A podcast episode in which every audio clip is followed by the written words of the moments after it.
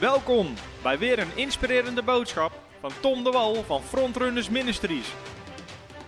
We bidden dat je via deze aflevering geïnspireerd wordt in je leven met God en opgebouwd wordt in je geloof. Ja, oké. We zijn. Ik zie een duimpje. We zijn live op YouTube en op Facebook. Dus ook iedereen die online kijkt, van harte welkom bij deze les van de Faith School. We hebben een paar uitdagingen momenteel met techniek, vandaar dat we niet tegelijk online waren. Maar nu gaan we starten. Amen. God is goed. Amen. Halleluja. Ben je weer klaar voor de... Het is de één na laatste les volgens mij. Nou, we willen misschien nog gaan verlengen. We willen misschien nog wat onderwerpen eraan toe gaan voegen. En, uh, maar daar komen we nog wel even op terug in de vakantie binnenkort. Maar we hebben een hele hoop behandeld van geloof. We hebben behandeld wat geloof doet. Waarom God geloof vraagt. Wat geloof is. Hoe je geloof krijgt en hoe je geloof gebruikt. En de vorige keer hebben we het gehad over de beproeving van het geloof. Wat te doen als je geloof beproefd wordt. Weten we dat nog? De Bijbel leert ons dat het woord van God zal altijd beproefd worden in ons leven. En zeker nog, staat omwille van het woord. Dus juist als jij besluit om het woord te gaan geloven, zal het beproefd worden. Nou, we hebben ook gezien dat beproeving uit verschillende hoeken kan komen. De duivel kan ons beproeven. En die wil dat je aan het woord van God gaat twijfelen. En de duivel beproeft je met ellende en tegenslag. Ook God kan ons beproeven, maar God test je gehoorzaamheid. En ook gewoon dingen die in het dagelijks leven gebeuren, kunnen gewoon beproevingen zijn hoe we daar mee omgaan. Maar uiteindelijk is het geloof is antwoord op alles. Amen. Je kan alleen maar gehoorzaam zijn aan God door geloof. We moeten de duivel wederstaan uit geloof. En we gebruiken ook geloof om stormen te stillen en door stormen heen te komen. Amen. Dus dat is de beproeving van het geloof. En de Bijbel zegt dat we in de beproeving volharding ontwikkelen. Dus we leren volharding. En dat is belangrijk, want de Bijbel zegt door geloof en geduld zullen we de beloftes van God ontvangen. Dus het is niet alleen geloof, het is geloof en geduld. Of geloof en volharding. En dat is zo belangrijk. Als mensen volharding missen, dan, dan zal hun geloof niet werken, want ze geven op. Aan de andere kant, als je alleen maar geduld hebt, maar je hebt geen geloof, werkt het ook niet, want er is geen kracht. Amen. Er is niks wat die beloftes van God ontvangt. Dus we hebben ze allebei nodig en dan zullen we altijd resultaat hebben. Nou, vanavond wil ik spreken met als titel gegeven: Als je dit niet doet, werkt je geloof niet. Als je dit niet doet, werkt je geloof niet. En je mag even meegaan naar Marcus hoofdstuk 11. Bij wie komt Marcus 11 inmiddels al bekend voor? Marcus hoofdstuk 11, vers 22 gaan we lezen.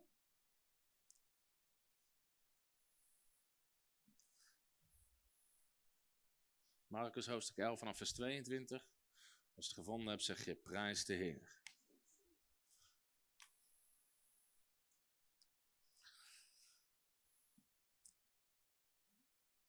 In Marcus hoofdstuk 11 vanaf vers 22, daar staat dit. En Jezus antwoordde en zei tegen hen, heb geloof in God.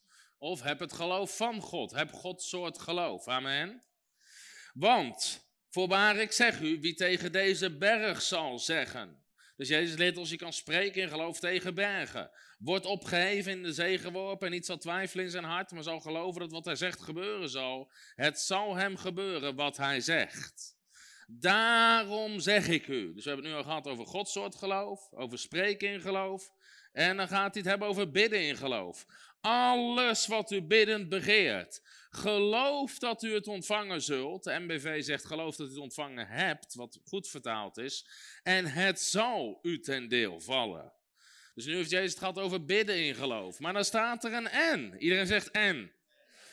Jezus was nog niet helemaal klaar. En dan staat er dit. En wanneer u staat te bidden, wanneer u staat te bidden, vergeef als u tegen iemand iets hebt opdat ook uw Vader, die in de hemel is, u uw overtredingen vergeeft. Maar als u niet vergeeft, zal uw Vader, die in de hemel is, uw misdaden ook niet vergeven. Nou, dit is een behoorlijk duidelijke tekst, een behoorlijke krachtige tekst. En als we het hebben over, als je dit niet doet, werkt je geloof niet. Waar hebben we het dan over? Over wandelen in goddelijke liefde. Wandelen in goddelijke liefde.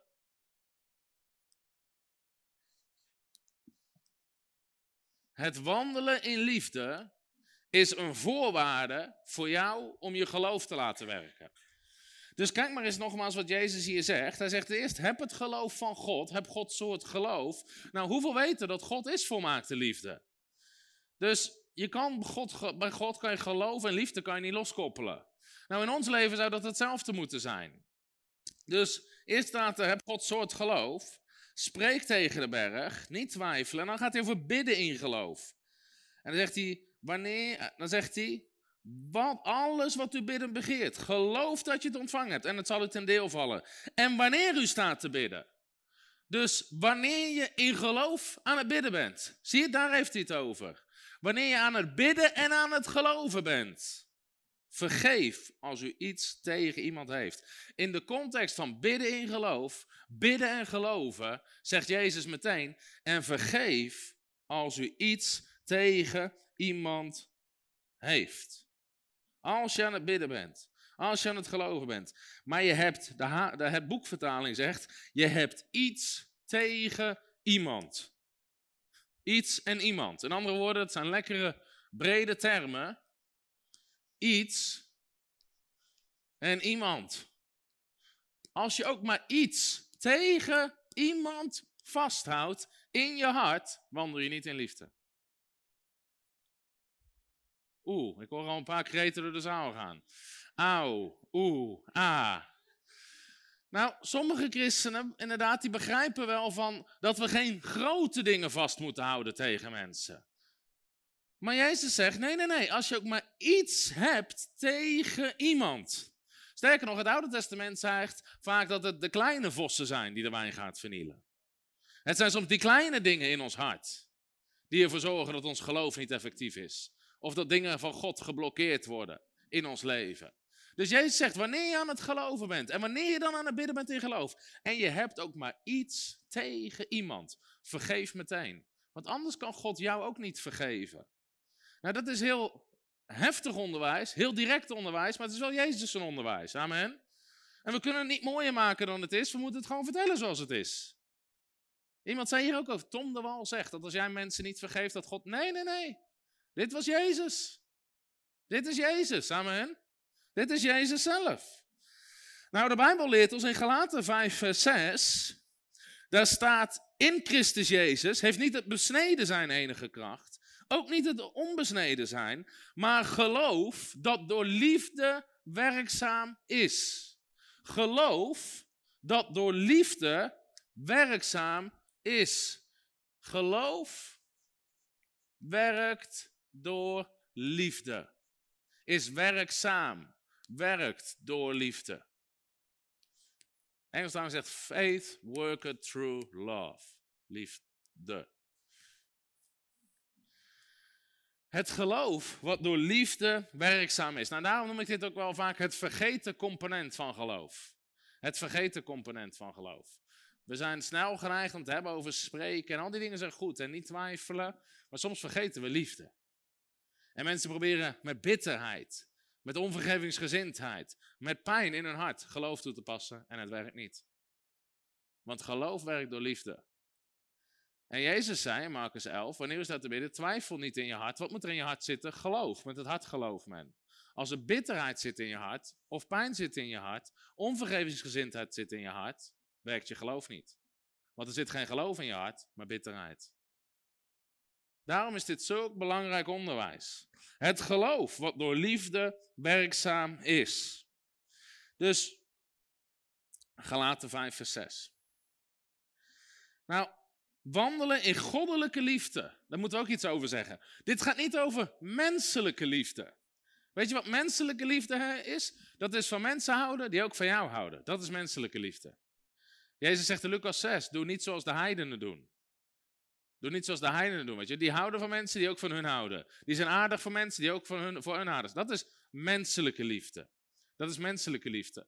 Maar Gods soort liefde is een hoger niveau liefde. Dat is goddelijke liefde. En daar kan je niet vanuit je ratio of je verstand in wandelen. En hier zie je dat veel christenen het missen, want ze willen met hun verstand beredeneren. Maar je functioneert vanuit je geest. Je functioneert vanuit je geest. En we gaan straks nog wel zien, de Bijbel zegt in Romeinen 5, vers 5, dat de liefde van God is in ons hart uitgestort door de Heilige Geest. Dus het goede nieuws is, jij hebt Gods liefde in je. Zeg eens, ik heb Gods liefde in mijn hart.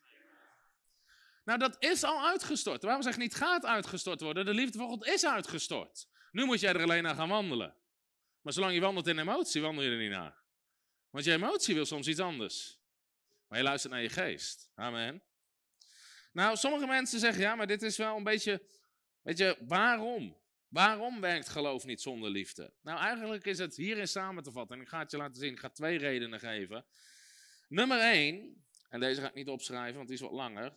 Maar je kan niet de beloftes van het nieuwe verbond ontvangen als je niet voldoet aan de voorwaarden van het nieuwe verbond. Hij is te lang voor op het tegeltje, maar hij zou wel goed zijn. Grote tegels. gewoon 60 bij 60 inderdaad, gewoon tegels van een meter. Je kan niet de beloftes van het nieuwe verbond ontvangen als je niet voldoet aan de voorwaarden van het nieuwe verbond.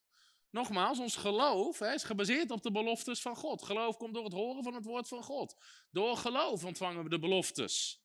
Nou, dus we hebben het al een aantal keer gehad over een verbond. Hè. Een verbond is twee partijen. Ik teken het even heel plat. Maar een verbond is twee partijen. Jij en God. Ja, precies. God heeft allerlei beloftes. Beloftes van het verbond. Maar er zijn ook bepaalde voorwaarden. Voorwaarden. Het Nieuwe Testament is niet alleen maar zinnen. God geeft je dit, God geeft je dat, God belooft je dit, God geeft... Nee, er staan heel veel dingen die wij moeten doen. Amen. En soms negeren mensen de dingen die wij moeten doen.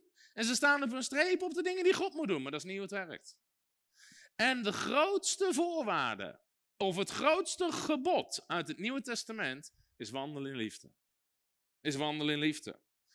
En je gaat zien, als je dit helemaal ziet, dat het wandelen in liefde zit gekoppeld aan het ontvangen van gebedsverhoring. Aan het verkrijgen waar je God voor gelooft. Ga maar eens mee naar 1 Johannes 3, vers 22. 1 Johannes 3, vers 22.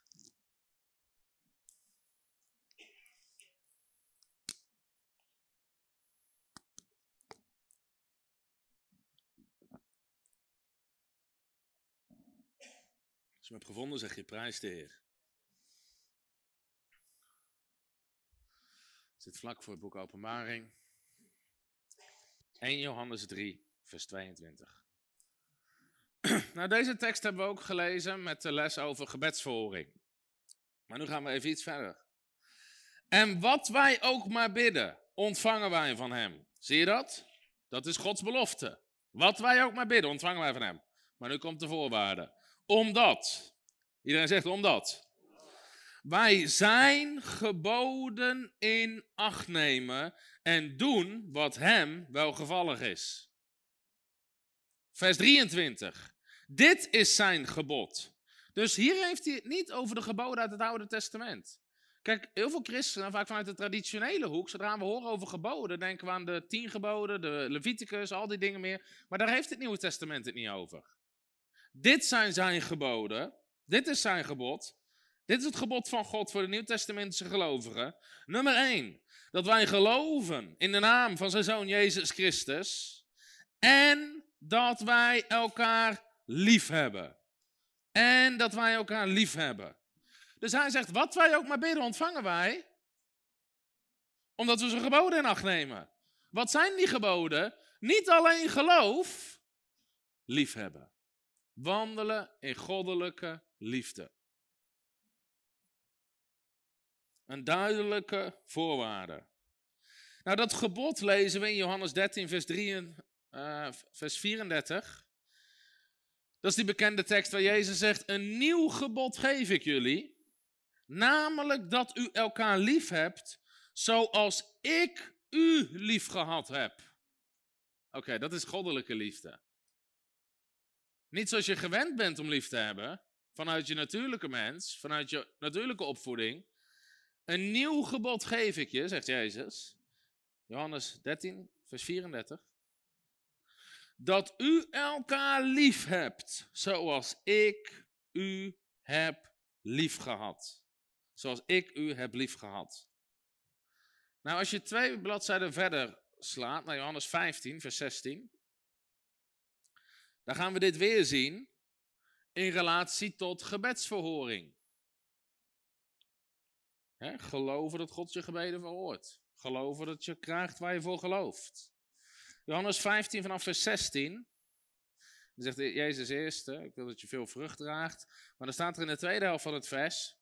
Opdat wat u ook maar van de Vader vraagt in mijn naam, hij u dat geeft. Vers 17, meteen hierna. Dit gebied ik u, dat u elkaar lief hebt. Zie je het? Meteen, eerst zegt Jezus, wat je ook maar van de Vader vraagt, geeft hij u, maar dit gebied ik u. Zie je? Johannes 15, vers 16 en 17. Dus je hebt het, de belofte, maar je hebt ook het gebod. Dit gebied ik u, zegt Jezus. Jezus zegt niet deze optie geef ik u. Sommige christenen denken dat het optioneel is om in liefde te wandelen. Maar voor het Nieuwe Testamentische christen is wandelen in liefde het enige gebod wat Jezus je heeft gegeven. Wandelen in goddelijke liefde. En dan leert de Bijbel ons, als je wandelt in liefde, vervul je heel de wet. Vervul je heel de wet. Nou, ik sprak een korte tijd geleden nog iemand. En ook iemand had die persoon wat dingen aangedaan. Maar hoeveel weten dat we allemaal meemaken dat mensen ons iets aandoen? En die persoon zei over vergeving. Ik zei, weet je, de enige manier om door te gaan is vergeven, liefhebben, loslaten, verder gaan. Ja, maar je weet niet wat. Ze hebben me aangedaan. En, en op een gegeven moment zei hij, ik heb mijn recht om boos te zijn. En ik heb mijn recht. Ik zei, wil je je recht? Ja, ga naar de hel. Dat is je enige recht. De rest is genade. Als jij wil leven als christen naar je rechten, geloof me, dat wil je niet. Want de Bijbel zegt, we verdienen allemaal oordeel. Amen. Alles is genade. Dus christenen die denken te gaan staan op hun rechten, zou ik niet doen. Wil je recht? Ga naar de hel, dat is je recht. Maar voor de rest is alles genade. Amen. Alles is genade wat God naar ons betoont. En nu vraagt God dat wij dat betonen naar anderen. Wandelen in liefde. Wandelen in liefde. Nou, sommige mensen zeggen, ja, maar dit is wel wettisch, want er zijn voorwaarden. Ja, dit is wettisch, dit is de wet, van het nieuwe verbond. De Bijbel noemt dit de wet van Christus. Dit is de wet van Christus. En het zijn gewoon duidelijke voorwaarden. Duidelijke voorwaarden.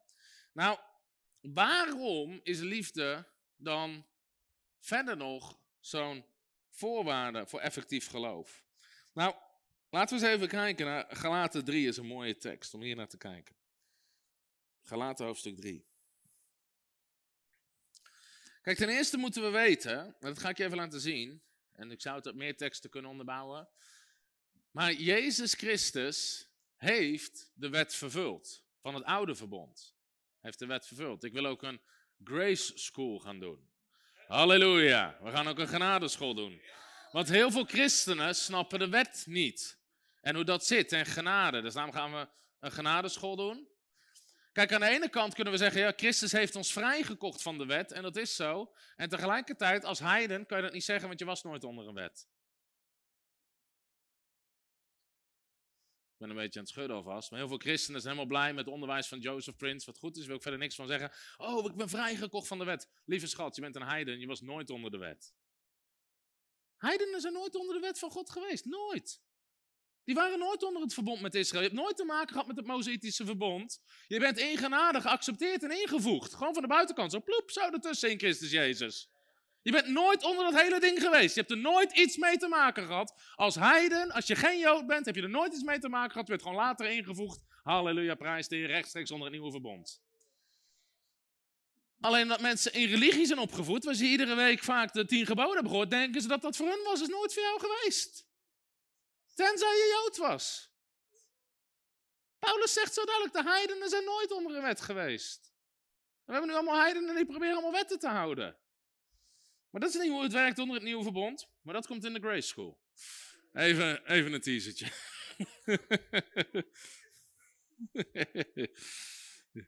Galaten 3. Waarom Galaten 3? Oh, ik wil even laten zien dat Christus heeft de wet vervuld, zegt de Bijbel. En Paulus schrijft heel veel van die teksten voornamelijk aan Joodse gelovigen. Daarom zegt hij, u die onder de wet was. Dat schrijft hij niet naar de heidenen. Dan schrijft hij dat u die zonder wet was, u die heidenen was, u die vervreemd was. Dus je kan niet zomaar iedere tekst zeggen, nou, dat gaat over mij, dat ging helemaal niet over jou. Voordat het geloof kwam, zegt Paulus, werden wij, Joden, door de wet bewaakt, als gevangenen opgesloten, totdat het geloof geopenbaard zou worden. Zo is dan de wet onze leermeester tot Christus geweest. Dus de wet leidde als leermeester tot Christus. De wet moest laten zien dat je vanuit jezelf nooit gerechtvaardigd kon worden. Dat je vanuit jezelf nooit heilig genoeg kon leven. Dus de wet was puur de leermeester om te laten zien dat je Christus nodig had. Dat je vergeving van zonde nodig had. Opdat wij uit het geloof gerechtvaardigd zouden worden. Nu het geloof gekomen is, zijn wij niet meer onder een leermeester. Want u bent allemaal kinderen van God door het geloof in Christus Jezus. Nou, hier leert de Bijbel ons dus dat duidelijk, zelfs voor de Joden, de wet, wat de wet was als leermeester tot Christus. Nou, diezelfde functie kan het hebben naar heidenen als we laten zien dat we nooit aan de standaard van God kunnen voldoen. Maar, een andere referentie die wij mag zeggen, zetten, hoef je niet op te zoeken, maar Hebreeën 8 vers 13. Daar staat, als hij spreekt van een nieuw verbond, heeft hij het eerste verouderd verklaard. Dat oude verbond is verouderd verklaard. Zeg ik niet, zegt het woord van God. Daarom leven we onder een nieuw verbond, wat de Bijbel noemt een beter verbond. Nou, ook het nieuwe verbond heeft een nieuwe wet, namelijk de wet van Christus. Dit is zijn gebod dat wij elkaar lief hebben. Paulus zegt in 1 Korinthe 9, vers 21, hoef je ook niet op te zoeken, maar er staat: Ik sta onder de wet van Christus. Galaten 6, vers 2. Draag elkaars lasten en vervul zo de wet van Christus.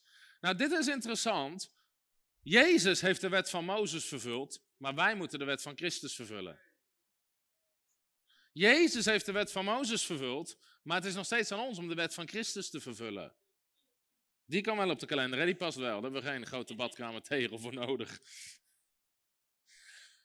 Paulus schrijft zo duidelijk, vervul de wet van Christus. Nou, wat is die wet van Christus? Is die tekst die we gelezen hebben. Een nieuw gebod geef ik je. Dat u elkaar lief hebt. Zoals ik u lief heb gehad. Zoals ik u lief heb gehad. Het enige gebod van Jezus onder het nieuwe verbond, los inderdaad van het geloof in de naam van de Heer Jezus, is liefhebben. Wandelen in goddelijke liefde. Dat is de hoofdvoorwaarde van het nieuwe verbond. Proberen we straks te doen. Romeinen 13 mag je even opzoeken. En ik wil hem lezen uit de MBV. Romeinen hoofdstuk 13.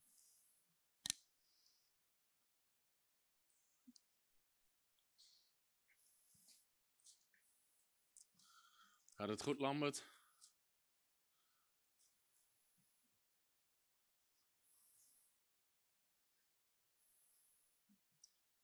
Daarom moet je fysiek meedoen, heb je nooit last van aperend internet. Amen.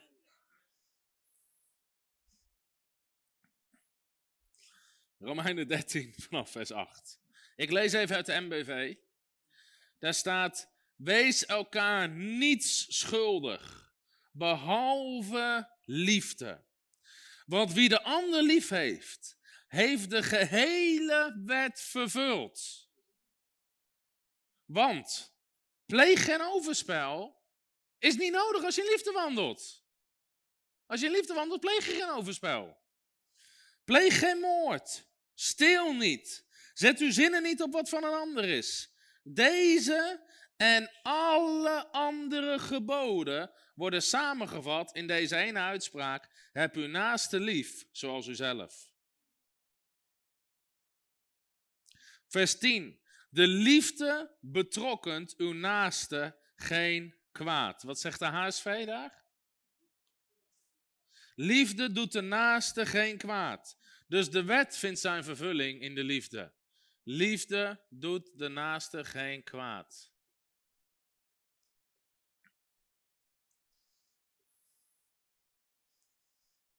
Nou, er zijn behoorlijk veel christenen die hun naaste kwaad doen. Die hun naaste kwaad doen. Die hun naaste benadelen. Die hun naaste over hun naaste liegen. Of bedriegen. Of manipuleren. En dan wandel je niet in liefde en je geloof zal niet werken. Je kan bidden tot je een ons weegt. Kunnen handen op je leggen tot je kaal bent. Kunnen bidden en vasten tot je 100 gram weegt. Maar er gaat niks veranderen. Totdat jij gaat wandelen in goddelijke liefde. Want je kan niet verwachten wel de beloftes te willen ontvangen. Maar niet aan het enige gebod te willen gehoorzamen. Liefde doet de ander geen kwaad. Liefde doet de ander geen kwaad. Galaten 5, vers 14 hoef je niet op te zoeken, maar daar staat hij ook heel krachtig. De hele wet is vervuld in één uitspraak. Heb uw naaste lief als uzelf. Nou, Johannes, de apostel Johannes, staat ook wel bekend als de apostel van de liefde. Johannes is zo stellig dat hij zegt: Als jij niet lief hebt, ken je God niet. Als jij niet lief hebt, ken je God niet. Waarom? Als het goed is, als je uit God geboren bent en bent een kind van God, lijk je op je vader. En je vader is liefde. 1 Johannes 4, vers 7, mag je even opzoeken. Dit zijn teksten die sommige mensen heftig vinden. Soms zeggen mensen, Tom, ik begrijp niet wat je zegt. Nee, je begrijpt niet wat de Bijbel zegt. Dat is iets anders. Mij niet de schuld geven. Ga later in de hemel naar Johannes toe.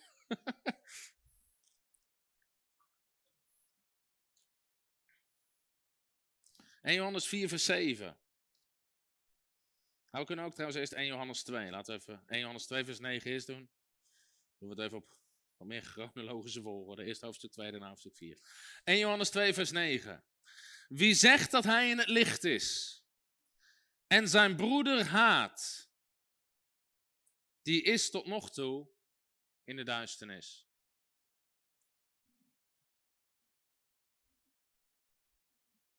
Wie zegt dat hij in het licht is, maar zijn broeder haat, is tot nog toe in de duisternis. Als christen kan je niemand haten.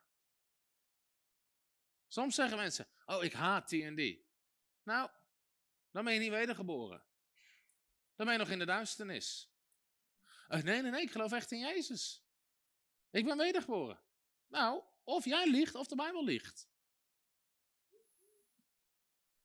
Sommige mensen zijn helemaal in de war. Nou, weet je wat het vaak is? Ten diepste moeten die mensen gewoon leren te wandelen naar de liefde die God in hun hart heeft uitgestort. Want op het moment dat je zegt, ik haat iemand, zeg je het vaak vanuit je verstand of je emotie. Maar terwijl je het zegt, kan het niet anders dat als je wedergeboren bent, dat de Heilige Geest in je iets anders zegt. En bedroefd wordt. En de Geest wil je corrigeren. De Geest wil je terechtwijzen. Dat je in plaats van, weet je, de Bijbel zegt, vergeef. En bid voor ze. En niet, Heer, sloop ze. Nee, Heer, zegen ze. Zegen ze. Weet je, je moet soms je. Weet je wat je moet doen om je vlees te kruisigen? Moet je oprecht voor die mensen gaan bidden. Mensen die je lasteren, mensen die je kwaad doen. Je moet oprecht op je knieën gaan. Zeg, vader, zegen ze. Zegen hun gezin, zegen hun financiën, zegen hun gezondheid. Vader, zegen ze met alles wat u heeft. Je begint oprecht voor ze te bidden, ze te zegenen, te zegenen, te zegenen. Want dat is wat de geest van God doet. Ja? He, vervloek niet, lasten niet, maar zegen daarentegen. Daarvoor bent u geroepen. Dus wie zegt dat hij in het licht is, maar zijn broeder haat, die is nog in, die is nog in de duisternis. Soms ik haat die voorrang. Die heeft me zo van, nee, nee, nee, nee, nee. Leer luisteren naar de geest van God. Leer wandelen naar goddelijke liefde. En Johannes 4, vers 7. Denk een bladzijde of twee verder. Geliefde, laten wij elkaar lief hebben, want de liefde is uit God. En ieder die lief heeft, is uit God geboren en kent God. Wie niet lief heeft, kent God niet, want God is liefde. Nou, even tot zover. Ik ga even een zijpaadje inslaan, maar ik ga hem wel inslaan. Dit soort teksten worden heel vaak misbruikt door mensen om alles, allerlei dingen te onderbouwen die niet in het woord van God staan. God is liefde, dus God kan geen enkele vorm van liefde afkeuren. Sorry, dit gaat niet over seksuele liefde. Daar heeft dit het niet over. Dit heeft het over elkaar liefhebben. Niet met seksuele liefde, met goddelijke liefde. In plaats van dingen uit de context te trekken, daar gaat het helemaal niet over. Daar gaat het niet over. Wie niet lief heeft, kent God niet, want God is liefde. Geliefde, als God ons zo lief had, moeten wij elkaar lief hebben. Als iemand zou zeggen, ik heb God lief, en hij zou zijn broeder haten, is hij een leugenaar. Want wie zijn broeder, die hij ziet, niet lief heeft, hoe kan hij God lief hebben die hij niet gezien heeft? En dit is het gebod wat wij van hem, dit is, dit is het gebod hebben wij van hem, dat wie God lief heeft, ook zijn broeder moet lief hebben. Nou, we zouden nog heel veel teksten kunnen lezen, maar het gebod is liefhebben. Zeg eens, Jezus zijn gebod is liefhebben. Nou, waarom vinden veel mensen het moeilijk om te wandelen in goddelijke liefde? Omdat ze geen onderwijs over geloof hebben gehad. De discipelen wisten meteen, toen Jezus zei hoe vaak ze moesten vergeven, wat het eerste wat ze vroegen, Heer, geef ons meer geloof. Ik had laatst een gesprek met iemand zei van ja, maar Tom, je moet ook niet vergeten, sommige mensen, hè, jij zit wel met je geloofsonderwijs hier, maar sommige mensen, die zitten gewoon in pijn en bitterheid van het verleden, die moeten niet starten met geloofsonderwijs. Die moeten wel starten met geloofsonderwijs. Want je komt nooit uit je pijn en je bitterheid, alleen uit geloof. Je gaat daar nooit uit je emotie uitkomen. Je gaat daar nooit uit je ziel uitkomen. Je gaat daar nooit uit je verstand. Een kerk gefocust op de ziel wordt zielig. Maar een kerk vanuit de geest wordt geestig. Halleluja!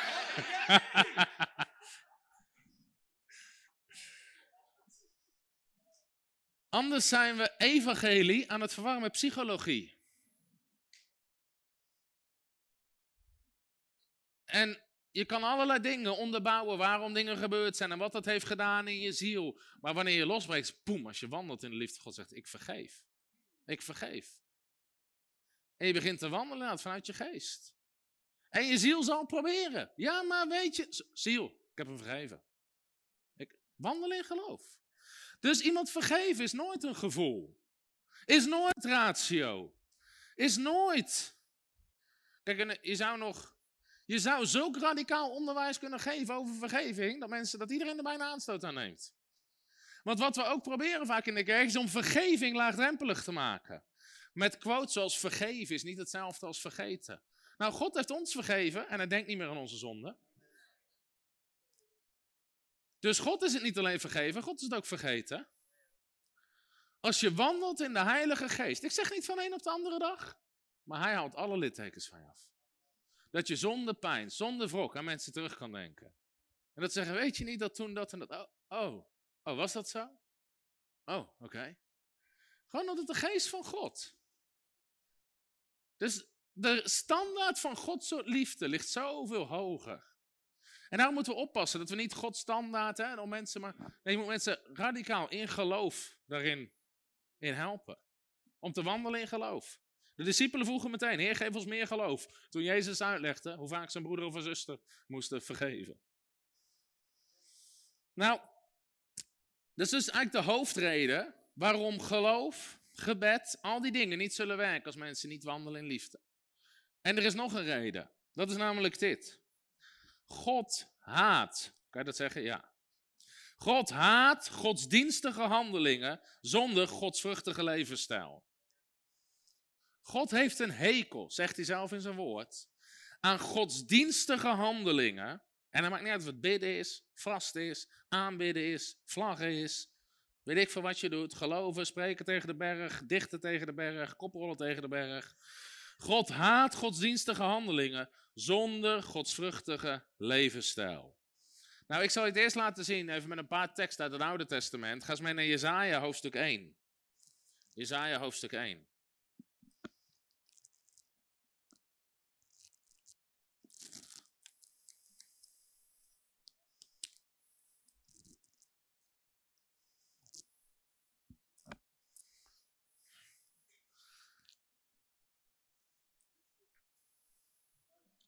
Prijs de Heer.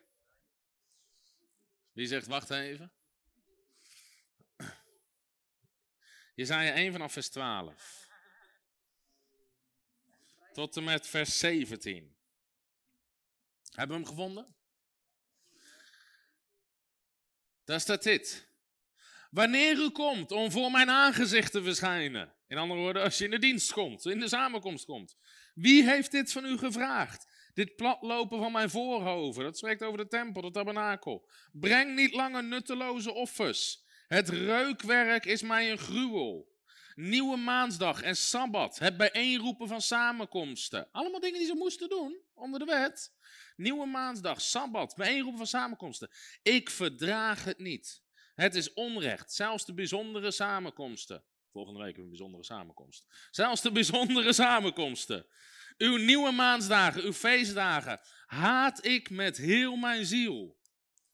Ze zijn me tot last. Ik ben moe om ze te dragen. Wanneer u, dit zegt God, wanneer u handen uitspreidt, verberg ik mijn ogen voor u. Ook wanneer u uw gebed vermeerdert, luister ik niet. Waarom niet? Uw handen zitten vol bloed. Was u, reinig u. Doe uw slechte daden van voor mijn ogen weg. Houd op met kwaad doen. Leer goed te doen. Zoek het recht. Help de verdrukte. Doe de wees recht. En bepleit de rechtszaak van de weduwe. In andere woorden, het land was vol met onrecht. Het land was vol met zonde.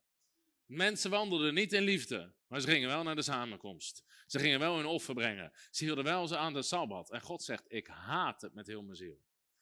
Eerste klas religie. Eerste klas religie. Het heeft wel het uiterlijk vertoon, maar niet van binnen. Het heeft niet van binnen. En dat is precies hetzelfde wat de fariseeërs hadden. Uiterlijk zag alles er helemaal perfect uit. Waren ze aan het bidden, waren ze religieus, waren ze in de synagoge. Maar van binnen waren ze vol roofzucht, onrecht, hebzucht, dat soort dingen. Nou, dit is een hele duidelijke tekst. Dit is het Oude Testament. Maar in Isaiah 58 staat hetzelfde. Isaiah 58 vanaf vers 6 staat min of meer hetzelfde. En we weten vanuit het woord van God dat bidden en vasten goed is, ook in het Nieuwe Testament. Maar wat was er aan de hand? Er waren mensen aan het bidden en vasten zonder dat ze zich bekeerden van bepaalde dingen.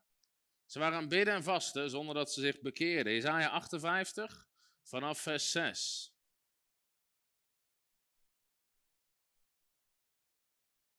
Even het internet vernieuwen.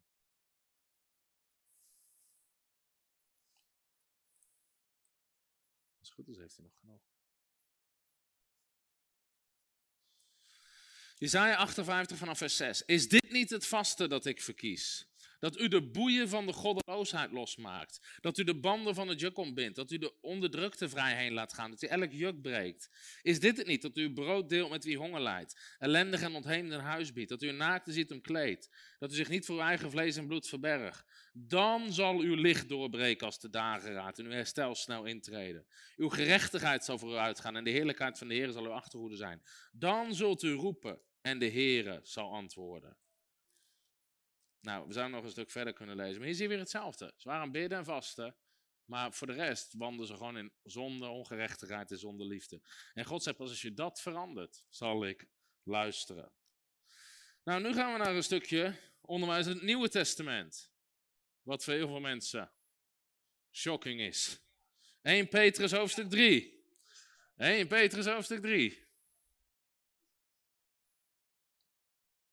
Nou, maak je klaar. Dit is onderwijs wat je weinig hoort.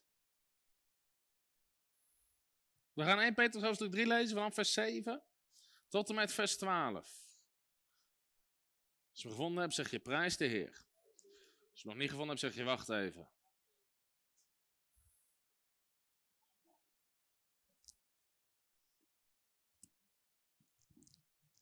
Nou, 1 Petrus 3 vanaf vers 7. Evenzo mannen. Hier spreekt Petrus eerst over het huwelijk. Woon met begrip met haar samen. Geef de vrouw als de zwakkere haar eer. U bent immers ook uw mede-erfgename met haar van de genade van het leven. Opdat uw gebeden niet verhinderd worden. Opdat uw gebeden niet verhinderd worden. Nou, hier leert de Bijbel ons eigenlijk dat als we oneenigheid hebben in ons huwelijk, dat je gebeden verhinderd worden. Jongen. ik ga het gelijk bijleggen vanavond, zegt iemand hier. Nou, het gaat er niet om als je een keer een meningsverschil of een discussie, daar gaat het niet om. Maar Petrus spreekt over een situatie waar mannen hun vrouw niet eren, Waar ze niet met begrip met haar samenwonen. Anderen worden ze een omgeving van ruzie, strijd, oneenigheid. En Petrus zegt, je gebeden worden verhinderd. Opdat uw gebeden, gebeden niet verhinderd worden. Nou zie je dat je sommige mensen eindeloos pastoraat kan geven. Handen op kan leggen. Sommigen zeggen, ja als dat genezing werkt, waarom wordt dan niet iedereen genezen? Nou, je weet niet alle dingen, maar sommige dingen weet je wel vanuit het woord van God. En sommige mensen kan je handen opleggen. Bidden en vasten, profeteren, salven met olie, 6 liter. Maar laat ze eerst maar eens gaan wandelen in liefde in hun huwelijk. Dus soms zeggen mensen, hoe kan het nou dat die en die niet genezen? Je ziet niet alles achter de voordeur. En dit is, er zijn meer redenen die het woord van God ons geeft. In Deuteronomium 29, vers 29, daar staat de geopenbaarde dingen zijn voor de mensenkinderen en de verborgen dingen zijn voor de Heer. Nou, soms, weet je, we denken dat we allemaal wel eens gevraagd hebben, Heer, waarom is die en die niet genezen? Nou, weet je wat het antwoord is wat ik het meeste krijg van de Heer? Gaat je niks aan. De geopenbaarde dingen zijn voor de mensenkinderen. Zie je, de Bijbel geeft overal een antwoord op. Het is misschien niet het antwoord wat je wil, maar het is wel een antwoord. en de verborgen dingen zijn voor de Heer. Nou, je weet niet altijd alles wat er speelt. Maar één van de redenen, één van de redenen, zou kunnen zijn dat er ruzie en oneenigheid is, een levensstijl van ruzie en oneenigheid in hun huwelijk. Waardoor je gebeden verhinderd worden. Als je niet wandelt in liefde, kom je niet in aanmerking voor de beloftes van het Nieuwe Testament. Petrus is nog niet klaar. Vers 8. Ook voor de mensen die niet gehuwd zijn. Ten slotte, wees allemaal eensgezind. Vol medeleven. Heb de broeders lief. Wees barmhartig, vriendelijk. Vergeld geen kwaad met kwaad. Of laster met laster. Maar zegen daarin tegen. Omdat u weet dat u daartoe geroepen bent. Opdat u zegen zult beërven. Nogmaals, ook voor de zegen zijn voorwaarden. Zie je dat? Wat moet je doen om de zegen van God te krijgen? Wees eensgezind, vol medeleven, heb de broeders lief, wees barmhartig, wees vriendelijk, vergeld geen kwaad met kwaad, geen lasten met lasten, maar zegen daarentegen. Dan door de wandel in liefde. Vergeef mensen, wees positief, omdat u daartoe geroepen bent, opdat u zegen zult beërven. Want wie het leven wil liefhebben, goede dagen wil zien, die moet zijn tong weerhouden van het kwaad zijn lippen van het spreken van bedrog. Let op. Die moet zich afkeren van het kwaad en het goede doen. Die moet vrede zoeken en die najagen. Want de ogen van de Heere rusten op de rechtvaardigen en zijn oren zijn gericht op hun gebed. Van wie? Van de rechtvaardigen. Maar het aangezicht van de Heere is tegen hen die kwaad doen. Nou, dit keer spreekt rechtvaardige niet over je identiteit in Christus, maar over je levensstijl. Want Petrus schrijft dit aan de gelovigen. Aan de gelovigen. Dus dit gaat niet over je hebt de gerechtigheid van God in Christus Jezus, je bent gerechtvaardigd. Dat is niet wat dit hier over heeft. Hij heeft het hier over gerechtigheid praktiseren. Zoek eerst het koninkrijk van God en zijn gerechtigheid en al het andere wat je erbij gegeven. Dus dit spreekt tegen de christenen. Zeg Petrus. Keer je af van het kwade, doe het goede, zoek vrede. Heb de broeders lief. Want de ogen van de Heer rusten op de rechtvaardigen en zijn oren zijn gericht op hun gebed. Maar het aangezicht van de Heer is tegen hen die kwaad doen. Nou, de Bijbel is soms duidelijker dan sommige mensen zouden willen.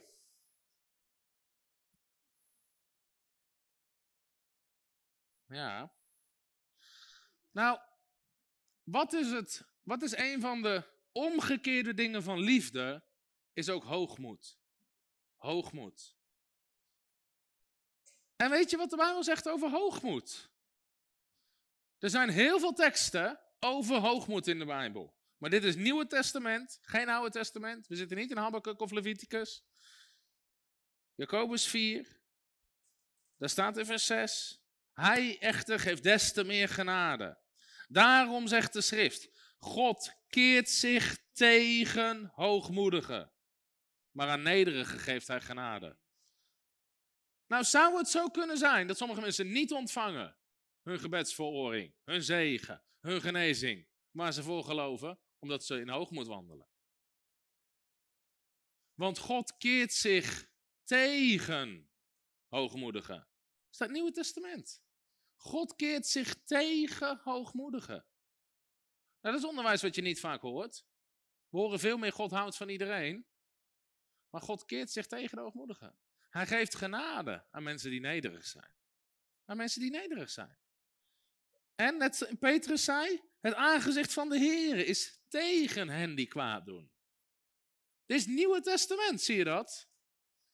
God verwacht iets van ons. God verwacht iets van ons. En dat is dat we niet blijven wandelen als zondaren. En als babychristenen. Weet je, als, als je net tot geloof bent gekomen, is er genade. Maar als je na 40 jaar nog steeds een hork bent, is er iets mis. Dan hoor je het karakter van Christus te weerspiegelen. Dan hoort de vrucht van de geest in je leven zichtbaar te zijn. En dan hoort er geen hoogmoed te zijn. Dan hoort er geen kwaad te zijn. Amen. Dus dat is het nieuwe verbond. Nou, ik zal je nog eens laten zien. Jacobus hoofdstuk 4 vers 2. Jacobus hoofdstuk 4 vers 2.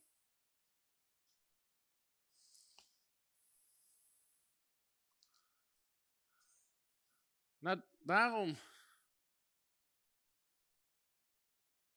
zie je gewoon soms, als je dit soort dingen onderwijst, dan vallen bij sommige mensen in één keer puzzelstukjes op hun plek. Waarom dingen wel gebeuren? Waarom dingen... Het is niet altijd heel simpel. Heel zwart-wit. Want tegelijkertijd heb je met dit soort dingen te maken. Jacobus hoofdstuk 4 vers 2. U verlangt naar iets en u krijgt het niet. U benijdt anderen. U benijdt anderen. U beijvert u om dingen te bemachtigen en u kunt ze niet krijgen. U maakt ruzie en voert strijd. Maar u krijgt niet omdat u niet bidt. En dan zegt de MBV in vers 3, en als u bidt, ontvangt u niets. En als u bidt, ontvangt u niets. En dan staat erachter omdat je motieven niet goed zijn. Dus mensen wandelen niet in liefde. Ze wandelen in nijd, ze wandelen in haat, ze wandelen in ruzie, ze wandelen in oneenigheid. Er is ruzie, strijd. Nou, dit zou kunnen klinken als sommige christelijke gemeentes. Ruzie, strijd, oneenigheid, nijd. Is van alles aan de hand en ondertussen blijven we maar doorbidden. Stop met bidden, bekeer je. Ga wandelen in liefde. Ga wandelen in liefde. Je kan bidden tot je in ons weegt, maar de Bijbel zegt als je bidt ontvang je niks. Kan zo goed niet bidden. Dat heeft geen zin. Johannes zei ook, hè? Wat wij maar bidden ontvangen we, omdat we zijn geboden in acht nemen en doen wat hem welgevallig is. Je wil wandelen in de wil van God. Nou, ik zou hier uren onderwijs over kunnen geven. Maar de wil van God, als je vraagt aan christenen, wie wil de wandelen in de wil van God? Dan denken we heel vaak, weet je, oh, wat is Gods plan voor mijn leven, wat is Gods bestemming? Maar de wil van God in de Bijbel is altijd ten eerste een houding.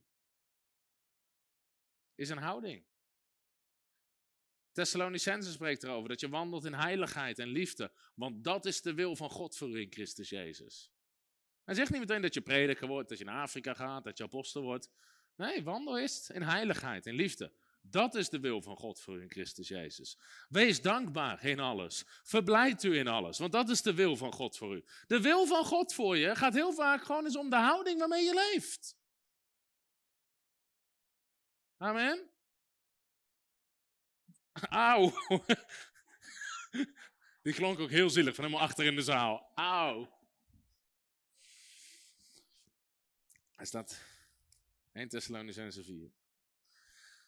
Dus omdat we doen wat hem wel gevallig is. Dat we doen wat hem wel gevallig is. Nou, in Micha 6, vers 8 staat: De Heer heeft u laten weten wat goed is en wat hij van u verwacht. Hij wil niet anders dat u eerlijk en rechtvaardig bent. Dat u liefde bewijst en nederig bent. Dat je eerlijk bent, rechtvaardig bent, liefde bewijst, nederig bent. Nou, dan zie je de voorwaarden van Jezus. Johannes 15, vers 7. Als u in mij blijft en mijn woorden in u blijven, vraag wat u maar wil. En het zal u ten deel vallen. Nou, nou wordt iemand wakker. Jezus zegt, nogmaals, dat is Johannes 15, vers 7. Ik weet dat ik veel Bijbelteksten opsom, maar dat is goed, amen. De eerste keer dat ik mijn boek aanbood bij een uitgever, zei hij, we gaan het niet uitgeven, er staan te veel bijbelteksten in. Willen mensen niet lezen. Ik zei, het is een christelijk boek. Nee, mensen willen je verhaal lezen. En je moet een mooi verhaal schrijven. Ik zei, ik wil dat ze bijbelteksten lezen. Hij zei, nee, hier is niemand geïnteresseerd in. Dit jaar gaan we over de 500.000 boeken heen. en soms we, hey, zullen we, zullen we samenwerken? Oh, ik dacht dat niemand hier geïnteresseerd in was. Als je 500.000 boeken verder bent, willen ze ineens samenwerken. maar mensen hebben bijbelteksten nodig, amen. Jezus zei, als je in mij blijft en mijn woorden in u blijven, vraag wat u maar wil en het zal u ten deel vallen. Let op, er staat, zijn woorden moeten in u blijven. Dat betekent dat je altijd doet wat het woord van God zegt, niet alleen als het jou goed uitkomt. Niet alleen als het jou goed uitkomt. Dus ook juist in tegenovergestelde omstandigheden.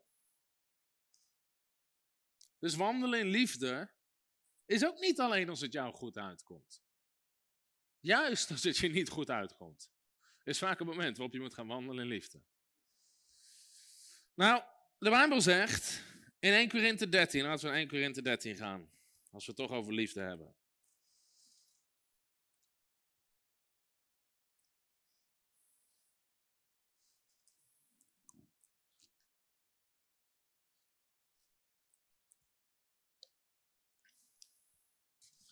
Dus je ziet dat liefde is de sleutel voor veel christenen om te gaan wandelen in overwinning. Als je wandelt in goddelijke liefde, kunnen mensen je niet kwetsen. Kunnen mensen je niet in bitterheid krijgen. Waarom niet? Je wandelt in liefde. Je vergeeft, laat los, ga door. 1 Korinthe 13 vers 13. Nu blijven geloof, hoop en liefde.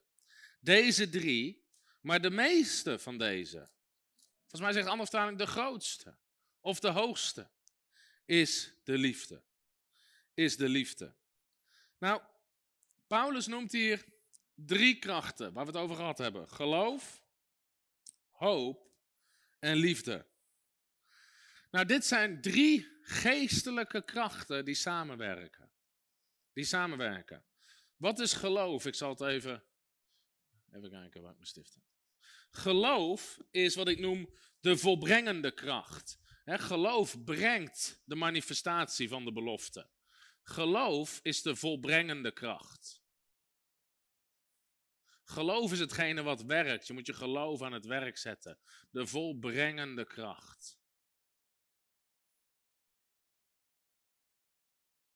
Wat is hoop? Is de volhardende kracht. Hoop blijft volharden. Hoop heeft te maken met de toekomst. Dus hoop heeft te maken met volharding, is de volhardende kracht volhardende kracht. En liefde is de motiverende kracht. Liefde is je motief. Liefde is, de is het motief. Geloof, hoop en liefde. Als christen wil je altijd wandelen in geloof, hoop en liefde. Geloof, hoop en liefde.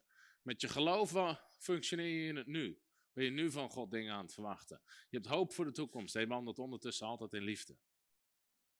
Nou, een mooie tekst hierbij is 1 Thessalonicijns 1 vers 2. Je mag hem opzoeken.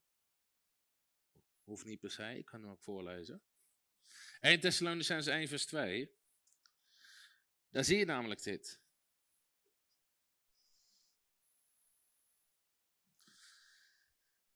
Daar staat, wij danken God altijd voor u allen, wanneer wij aan u denken in onze gebeden. En zonder ophouden denken aan het werk van uw geloof. Zie je, geloof is jouw werkende kracht. Je zet je geloof zet je aan het werk. De inspanning van uw liefde en de volharding van uw hoop. Werk van uw geloof, inspanning van uw liefde en de volharding van uw hoop. Nou, Paulus heeft over geloof, hoop en liefde. Maar hij zegt, wat is de meeste? Wat is de meeste volgens Paulus? Liefde. Liefde is het meeste. Nou, daarmee zegt hij niet dat hoop niet belangrijk is. Of dat geloof niet belangrijk is. Hij zegt alleen dat liefde het meeste is. Nou, waarom is liefde het meeste, om het zo maar te zeggen? De meeste van deze is de liefde.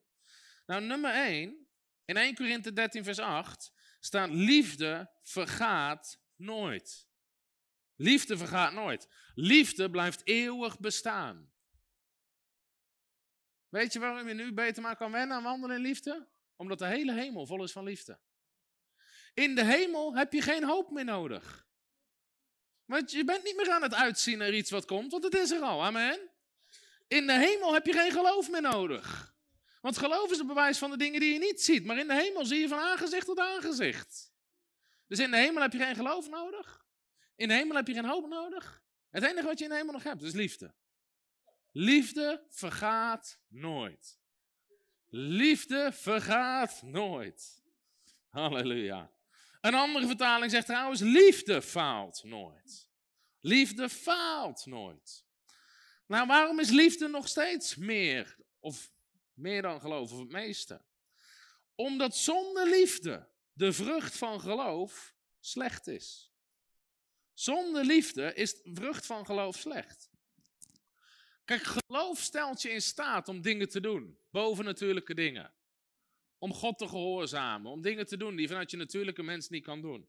Maar als je het niet doet vanuit liefde, zal de vrucht slecht zijn. Dan draait het om je eigen ego. Dan zoekt het je eigen belang. Dus Paulus zegt ook in 1 Korinthe 13, vers 2, zegt hij, al zou ik al het geloof hebben, bergen verzetten, maar ik had de liefde niet, was ik niks. Was ik niks. Dus je wil niet alleen geloof hebben, dat is 1 Korinthe 13 vers 2. Als zou ik al het geloof hebben, zodat ik bergen zou verzetten, maar ik had de liefde niet, was ik niks. Nou, in dezelfde context zegt hij in vers 3, al zou ik al mijn bezittingen uitdelen, tot levensonderhoud van de armen. Nou, dat vraagt geloof om alles weg te geven wat je hebt. Als zou ik mijn lichaam overgeven om verbrand te worden. En dan andere zou ik martelaar zijn, zelfs voor het evangelie. Maar ik had de liefde niet. Het baatte mij niets. Het baatte mij niets. Nou, zonder liefde is de vrucht van je geloof slecht. Zonder liefde is de vrucht van je geloof slecht. Liefde hoort je motivatie te zijn. Liefde hoort je motivatie te zijn. Dus bijvoorbeeld wanneer je geeft. Wanneer je geeft, leert de Bijbel ons dat je bent aan het zaaien en het oogsten. In andere woorden, God gaat meer bij je terugbrengen. En daarom zegt de Bijbel ook, wat je geeft, uw vader, wat u geeft in het verborgen ook, zal uw vader in het openbaar, zal God je belonen. Zal God je zegenen. Maar Jezus zegt ook in diezelfde context, laat je linkerhand niet weten wat je rechterhand doet. Nou, dat bedoelt hij niet heel, sommige christenen worden zo wettisch van, je mag nooit aan iemand vertellen wat je geeft. Daar gaat het niet om. Hij spreekt over de motivatie. Want er waren heel veel mensen die gaven om gezien te worden. Oh, kijk mij eens even geven hier. Ze liepen nog net niet met de, met de biljetten te wapperen. Laat mij eens even. Kijk, ziet iedereen hem achterin? Ziet iedereen hem? Heeft iedereen hem gezien? Ja hoor, kijk, het vakje maandelijk staat ook aan. Ja hoor, daar gaat hij. Huppakee. Nou, Jezus zegt. Hij zegt dan: heb je je loon al? Namelijk dat de mensen je gezien hebben. Dat is wat je wil. Je hebt al. Maar als je het daar niet voor doet, dan gaat God je openlijk belonen voor de mensen. Amen. Dus het gaat er niet om dat je nooit mag vertellen aan iemand wat je geeft. Sommige christenen draaien zeggen, oh ja, ik heb taken die... Oh, dat mag je niet zeggen, dat mag je niet. Daar gaat het niet om. Het gaat om wat je motivatie is op het moment dat je geeft. En als je het doet om door mensen gezien te worden, in andere woorden, als je niet doet vanuit liefde, heb je je loon al. Heb je je loon al. Ook Jezus, genezing. Jezus was met innerlijke ontferming bewogen over een zieke en genas hem. Waarom wil je wandelen in wonderen en tekenen en genezing? Omdat jij er interessant uitziet? Of omdat je bewogen bent voor de zieken? Omdat je bewogen bent voor de zieken? Ik moet soms. Gelukkig lees ik en krijg ik lang niet mee alle kritiek die mensen schrijven. Maar soms zeggen mensen: hij doet al die genezingsdiensten voor zichzelf. Lieverd. Weet je wat we doen? Dan wisselen we. Zetten we jou voor een zaal vol met mensen met kanker, rolstoelen, krukken, blinden. Denk je dat ik dat altijd leuk vind? Ben aan het bidden, vasten, God aan het geloven, God aan het zoeken. Iedereen staat naar je te kijken als er iemand in een rolstoel naar voren komt. Ik wil jou het ook wel zien doen. Ik doe, weet je wat ik ook leuker vind? Barbecue op zaterdagmiddag. Vissen. Vind ik leuker. Amen. Ik zie iemand zeggen, halleluja, vissen. God roept vissen, amen, door heel de Bijbel. Dat hartstikke Bijbels, halleluja.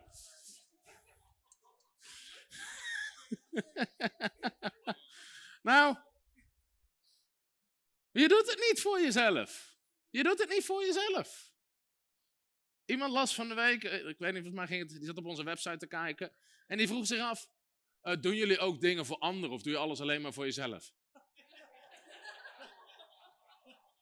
Ik heb die 500.000 boeken niet naar mijn eigen huis gestuurd. Ik sta niet iedere maandagavond bijbelschool te geven om zelf te luisteren. En dinsdag Faithful voor zo'n feit voor mezelf. En woensdag bijbelschool voor jezelf. En in het weekend vijf diensten voor jezelf. Voor mezelf doe ik hele andere dingen dan iedere dag mijn keelschoor preken. Amen. Maar mensen zijn zo religieus. Maar doen jullie ook dingen voor anderen? Alles wat we doen is voor anderen. oh, oh, oh, oh. Lord, bless their lovely hearts and their stupid heads in Jesus' name. Nou, liefde. Je wil dat ook wanneer je in geloof staat voor dingen, wil je dat het gemotiveerd is vanuit liefde. Vanuit liefde. En daarom zeg ik ook altijd een van de dingen is dat je wil je geloof puur houden. Je wil je geloof puur houden.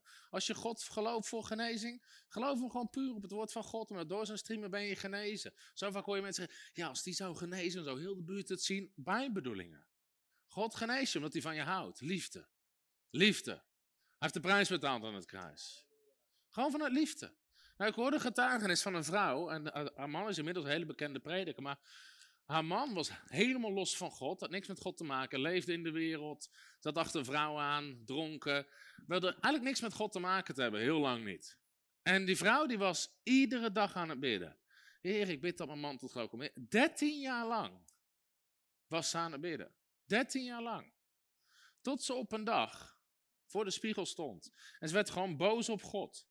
En ze zei, heer, ik ben al 13 jaar lang aan het bidden en ik geloof en waarom gebeurt er niks? En God confronteerde haar op dat moment met iets wat in haar hand, in haar hart zat. Want God zei, waarvoor wil je dat je man tot geloof komt? En meteen werd ze overtuigd door de Heilige Geest. Dat ze helemaal niet aan het bidden was vanuit liefde. Ze wilde dat haar man tot geloof kwam, zodat haar leven beter werd zodat zij met een gezinnetje naar de kerk kon. En iedereen dacht, oh wat een mooi gezinnetje. En zodat haar leven makkelijker zou zijn als haar man ook in God geloofde. En God zei, je bidt, je bidt niet voor je man, je bidt voor jezelf. En God komt. Ze bad niet omdat hij, ze graag wil dat hij eeuwig leven zou hebben. Dat hij God zou kennen. Dat hij vergeving zou... Nee, ze bad ten diepste voor zichzelf. Ze bad ten diepste voor zichzelf. En ze bekeerde zich. En ze begon oprecht vanuit liefde voor de man te bidden. Dat hij God zou leren kennen, dat hij eeuwig behouden zou zijn, hij vergeving van zonde, los van zichzelf. En de man kwam tot geloof. Maar God sprak er eerst aan, op de motief. Nou, dan zie je dat iets kan heel vroom lijken, kan heel religieus lijken. Bidden voor iemand die tot geloof komt. Maar wat is je motief? Wat is je motief? Bid je echt voor die ander of bid je eigenlijk voor jezelf?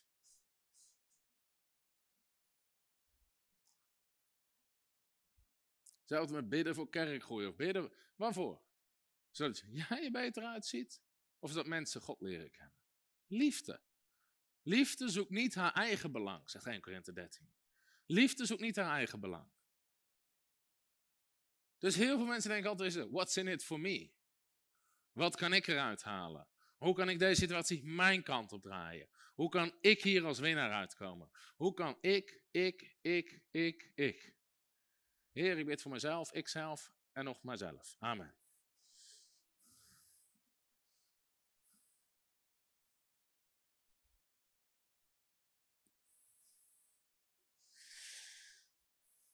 Echt geloof werkt door liefde.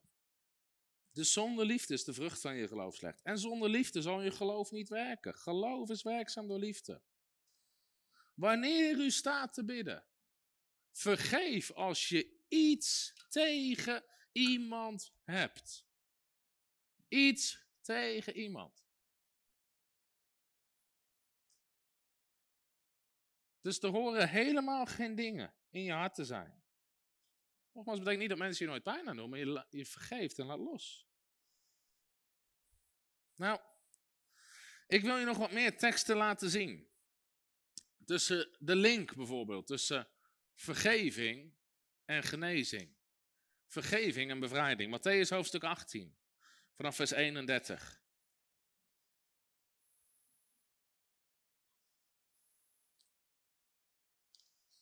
Kijk, wanneer je genezingsdiensten doet of wanneer je genezingscampagnes doet, ik hou er niet van om allemaal voorwaarden te preken. Met hindernissen, blokkades, voorwaarden. Op in diensten, campagnes, wat je doet, je predikt gewoon simpel geloof. Dat hebben mensen soms al moeilijk genoeg om dat te pakken in een dienst. En als je allerlei voorwaarden en blokkades gaat preken, gaan mensen alleen maar zitten zoeken in zichzelf en lijstjes zitten afstrepen. Dat werkt niet. Maar ondertussen heb je wel gewoon nodig dat de Heilige Geest van God mensen overtuigt. En dus daarom soms als mensen zeggen, ja, ik ben het... Weet je, ergens zou je kunnen afvragen. Soms zeggen mensen, ik ben bij die geweest, bij Benny Hinn geweest, bij Oral Roberts geweest, bij Kenneth Heen geweest, bij Theolo. Iedereen heeft handen op zich gelegd. Als je nog steeds niet genezen bent, ligt het waarschijnlijk aan jou.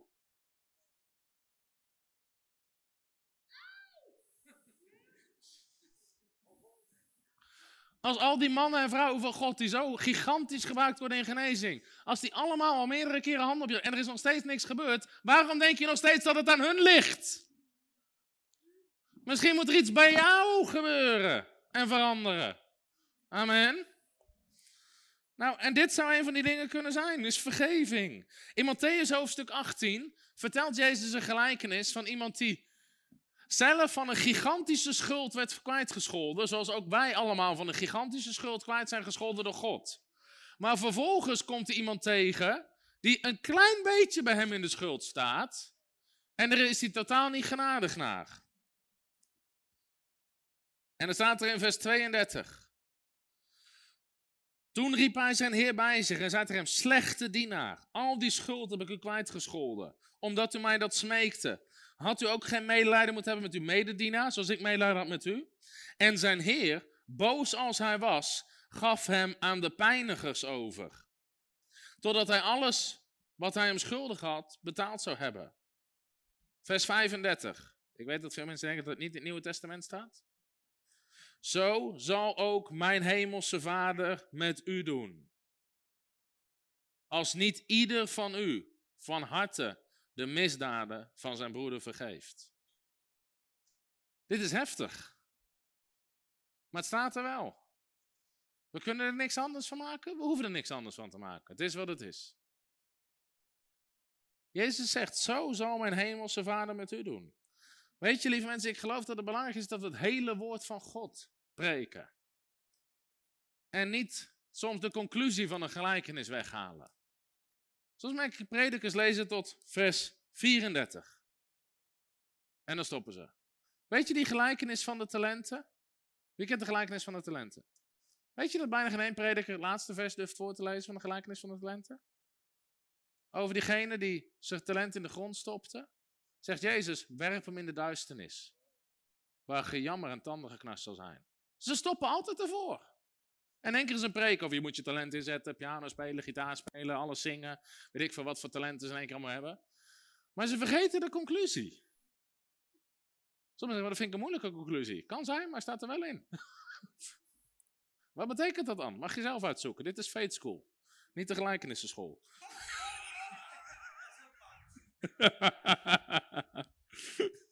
dat is makkelijk, hè? Oké. Maar de Bijbel zegt hier, hij werd aan de pijnigers overgegeven. Nou, ik geloof dat dit symbool staat voor demonen. Demonen krijgen ruimte in je leven. Als je wandelt buiten de wil en genade van God. En mensen zitten onder pijn. En sommige ziektes worden daardoor veroorzaakt. En die mensen kan je handen opleggen, salven met olie, naar 48 genezingsdiensten meenemen. Maar wat ze moeten doen, is vergeven en bekeren. Is vergeven. Daarom heel vaak als mensen ook naar me toe komen na dienst, als het, kijk is een beetje dat heel veel mensen kennen ons van genezing en bevrijding. Dus als je ergens op zondag preekt, staan er hele rijen met mensen die willen dan bevrijding. En soms bid ik voor mensen, maar heel vaak niet. Zeg, joh, kom maar naar de bevrijdingsdienst. Waarom? Want dan predik ik over dit soort dingen. En dan kunnen ze zelf afrekenen met dat soort dingen in hun leven. Soms zeg ik ook tegen mensen in de bevrijdingsdienst, begin al heel heftig te manifesteren. Wacht even met manifesteren. Luister even naar de preek. Doe mee met het gebed. Bekeer je van dingen. Beleid je van dingen. En daarna zetten we je vrij, oké? Waarom? Omdat die demonen proberen ze af te leiden dat ze niet door dat bekeringsproces heen gaan. Nee, kom er niet uit. Hoeft ook niet. Over tien minuten. Nog even blijven zitten.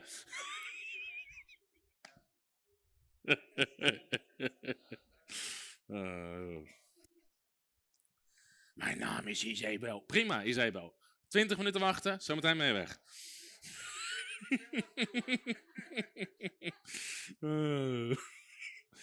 Spreuken 17, vers 22.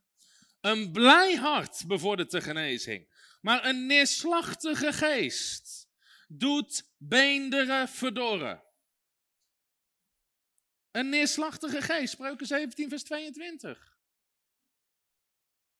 Ik heb mensen gezien die altijd ziek zijn omdat ze altijd negatief zijn. Maar liefde is niet negatief, liefde is positief. Amen.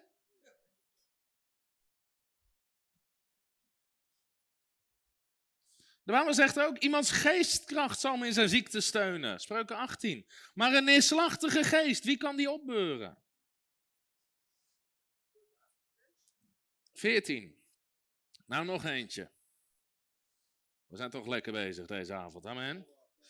3 Johannes 1, vers 2. Deze kennen veel mensen. Geliefde, ik wens of ik bid dat het u in alles goed gaat, dat u gezond bent, zoals het uw ziel goed gaat. In andere woorden, als er dingen zitten in jouw ziel die niet goed gaan, zoals het uw ziel goed gaat. Ik bid dat je gezond bent. De Engels zegt dat je prosper in all things, dat je voorspoedig bent, dat je gezond bent, zoals het je ziel goed gaat.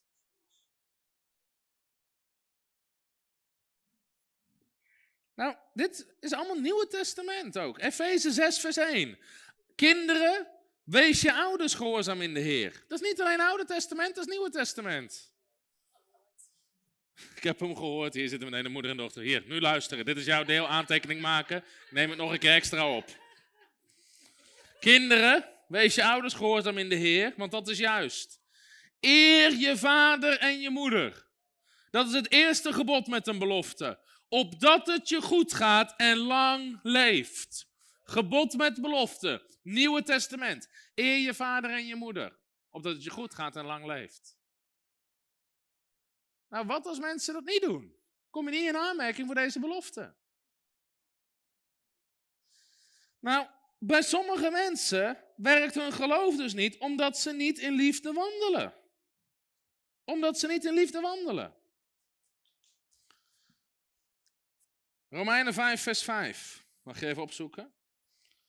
Romeinen 5, vers 5. En daarna gaan we nog even naar 1 Korinthe 13 en dan gaan we proberen om het af te ronden. Tot slot, tenslotte, als laatste.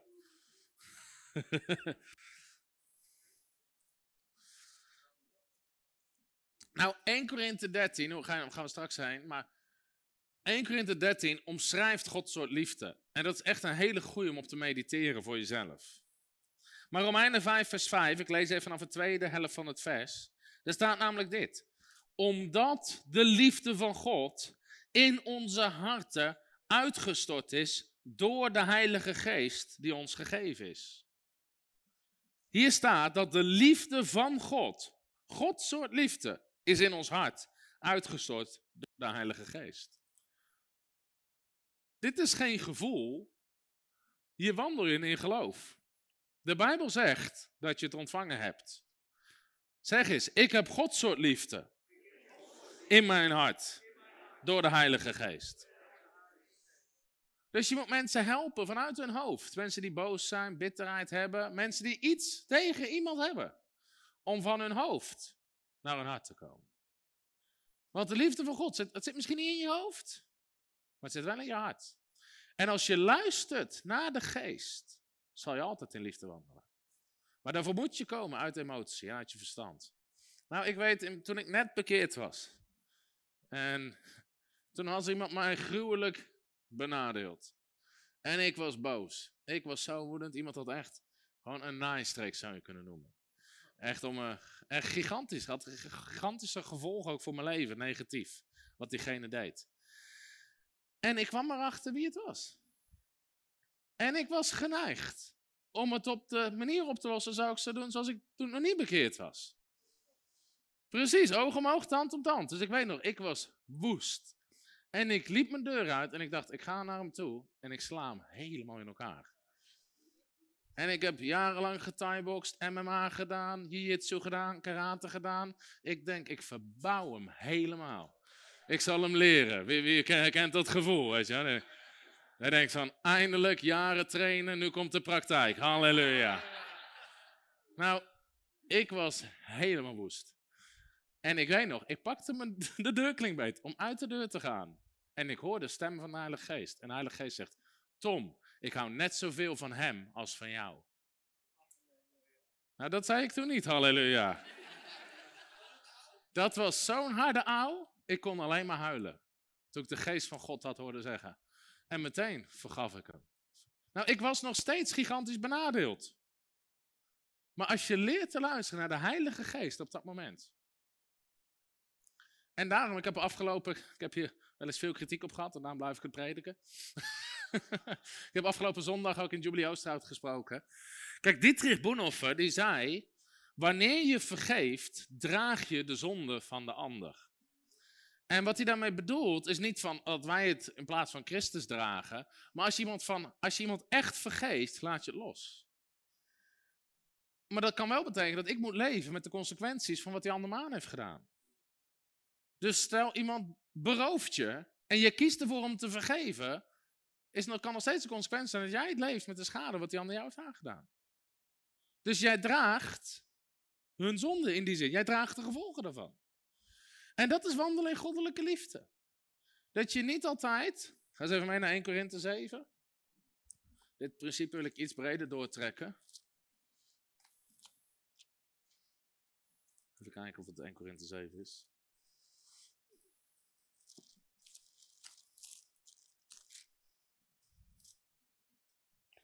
Even kijken. Uh,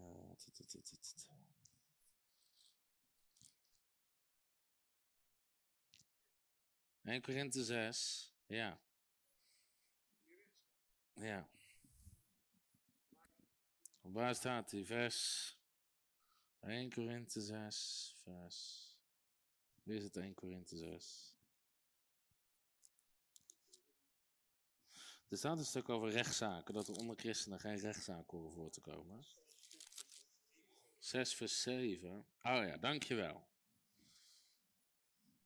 Nou, even een iets bredere context. Maar kijk, hier gaat het over rechtszaken. Dat onder christenen horen in principe geen rechtszaken te komen. Dat betekent niet hè, dat. De context is wel dat Paulus zegt: er horen toch zijn broeders in uw midden te zijn die recht kunnen spreken. In andere woorden, er horen gewoon mensen in de gemeente te zijn het is wel handig dat beide partijen daar naar luisteren. Anders wordt er nog steeds geen recht gesproken. Maar Paulus zegt 1 Korinthe 6 vers 7. Dan is er volledig sprake van verlies onder u. Dat u onder elkaar rechtszaken hebt. Waarom leidt u niet liever onrecht? Waarom laat u zich niet liever benadelen? Nou, Paulus zegt dit is best wel heftig. Waarom leid je niet liever onrecht? Waarom laat u zich niet liever benadelen? Wij vinden het heel moeilijk om onrecht te verdragen. En om benadeeld te worden. En dat nog liever te doen dan je gelijk te halen. Maar dat is wel wat wandelen in liefde doet. Dat is wel wat wandelen in liefde doet. En ik had een keer, ik vertelde het, ik zal geen namen noemen, maar ik had een keer een, een grote, gigantische christelijke bediening die ons gigantisch benadeelde. Die hadden me uitgenodigd om over een bepaald thema te spreken. Hadden zelfs van tevoren aangegeven waar ik over moest spreken, met verschillende vragen over het thema die ik moest beantwoorden. Ik was erheen gegaan. Ik had precies gedaan zoals ze hadden gevraagd. En er was iemand die fel tegen alles wat Heilige Geest geloof is. Die had een journalist gebeld en die had gezegd: Kijk, die en die bediening heeft die valse profeet, dwaalleraar, die geven ze podium. En dus die had die bediening benaderd. En in plaats van dat die bediening zei: Jongens, hier klopt niks van. Om hun eigen hachje te redden, zeiden ze: uh, Nou, we staan er ook totaal niet achter. En Tom is afgeweken van het onderwijs wat we afgesproken hadden. Terwijl ik had letterlijk gewoon gevraagd wat zij deden. Dus, en dat werd gepubliceerd in een van de grootste kranten van Nederland in de zaterdagochtendeditie. Dus voor heel Nederland werd ik weggezet als een valse profeet en een dwaalleraar. Dat maakt me nog niet eens heel veel uit. Maar dat ik een leugenaar ben. Dat ik me niet had gehouden aan afspraken. Nou, het ding is, ik heb zwart op wit. Het interview, de vragen, de dingen die ze mij gesteld hebben, die ik gewoon één op één beantwoord heb. En vanuit je natuurlijke mens ben je niet blij. nou, wat zou je. Wat is je natuurlijke mens? Je zegt, ik ga me gelijk halen. Ik heb alle bewijs. Ik heb de e-mails, ik heb de afspraken, ik heb het interview. Ik kan bewijzen, ik kan mijn eigen studio ingaan. Een video maken. Laten zien hoe ze je wegzetten als leugenaar, terwijl het niet zo is. Maar waarom zou je het doen? Om je eigen hachje te redden? En dan openbaar met een andere bediening in discussie te gaan en ruzie aan te gaan voor de ogen van heel Nederland? Laat je liever benadelen. Leid liever onrecht. Dus wat doe je? Je kan er jaren mee lopen. Of je vergeeft en laat los. Dat betekent niet dat je nog een keer met ze gaat samenwerken. Ik ben wel s'nachts geboren, maar niet afgelopen nacht. Sommige mensen moet je lief hebben en links laten liggen. Maar je hebt ze nog steeds lief. Je wandelt in liefde, je vergeeft ze, je laat los. En je leidt liever onrecht. En het gevolg is dat misschien nog steeds heel veel mensen denken dat je een leugenaar bent. Dat je je afspraken niet nakomt. Dat je dit of dat. En nogmaals, een natuurlijke mens wil zeggen, oh, ik zal dit, ik zal dit eens even en mijn bewijs. En, maar dat is geen liefde, want ik, ik, ik. Je maakt je bezorgd om jouw reputatie. En Paulus zegt, leid liever onrecht. Leid liever onrecht. Laat je liever benadelen. Uiteindelijk is dat genade. Uiteindelijk is dat genade. En God geeft je genade om ermee om te gaan. Amen. Maar dat is wandelen in liefde. Juist als het jou soms pijn doet. Juist als jij benadeeld wordt. Dat is liefde. En soms doe je er nog een extra schep bovenop. En Jezus zegt, je bent hete kolen aan het opstapelen. Je bent hete kolen aan het opstapelen. Nou, soms hebben we voorgangers waarvan ik weet dat ze ons helemaal afkraken. En zodra de mensen bij hun in de buurt via ons bediening tot geloof komen, zeggen, ga naar die kerk. Ga, en dan komen mensen daar. Hoe kom je? Ja, via frontrunners. Ga, ga maar zitten. en iedere keer stuur je ze er weer heen. En stuur ze er weer heen. En stuur ze er weer heen. Waarom? Het waard dat die mensen in die kerk komen, amen. Het maakt niet uit wat ze van mij zeggen, als die mensen maar komen in een kerk. Wandel in liefde. Wandel in liefde. Waarom? Liefde faalt nooit. Maar mensen, hoeveel zijn er niet die wel in liefde of in bitterheid, oneenigheid, dat soort dingen. En het ding is, de kracht van God kan niet door je heen werken. Want er is bitterheid en oneenigheid. En ik, nogmaals, ik kan geen namen noemen, maar er was een gewoon bekend christelijk persoon een keer. Ook heel Nederland voor aan het bidden was met ernstige ziekte en die persoon overleed. Nou, een paar maanden daarvoor was ik ergens in een samenkomst waar die persoon ook was en die vroeg me om te bidden. Voor de situatie. Ik legde handen op en ik wist meteen, die gaat niet genezen. Ik voelde in mijn geest bitterheid, onvergevensgezindheid. En ik wist gewoon, er gaat niks gebeuren. Ik wist helemaal niks van de situatie. Ik was totale buitenstaander. Maar een bekend christelijk persoon. Op een gegeven moment overleed de persoon. Sprak ik mensen die dichtbij stonden. Die zeiden, achter de schermen was er zoveel ruzie, zoveel bitterheid, zoveel dat soort dingen. En ik zei, ik wist het al. In mijn geest, ik wist het. Ik wist, we kunnen hiervoor bidden, we kunnen handen opleggen, we kunnen zalven met olie, we kunnen van alles doen. Maar er gaat niks werken. Zolang je iets tegen iemand hebt. En iedereen, en zelfs al die persoon die heeft voor me gebeden, die heeft voor me gebeden en die heeft voor me gebeden. Dat hoort je tot het nadenken te zetten. Als iemand dat zegt. nou, soms heb je wijsheid nodig, wat je zegt. En soms ervaar je het in je geest, maar je kan je, je vinger er niet altijd op leggen. Nou, soms als je het weet, kan je het proberen te zeggen.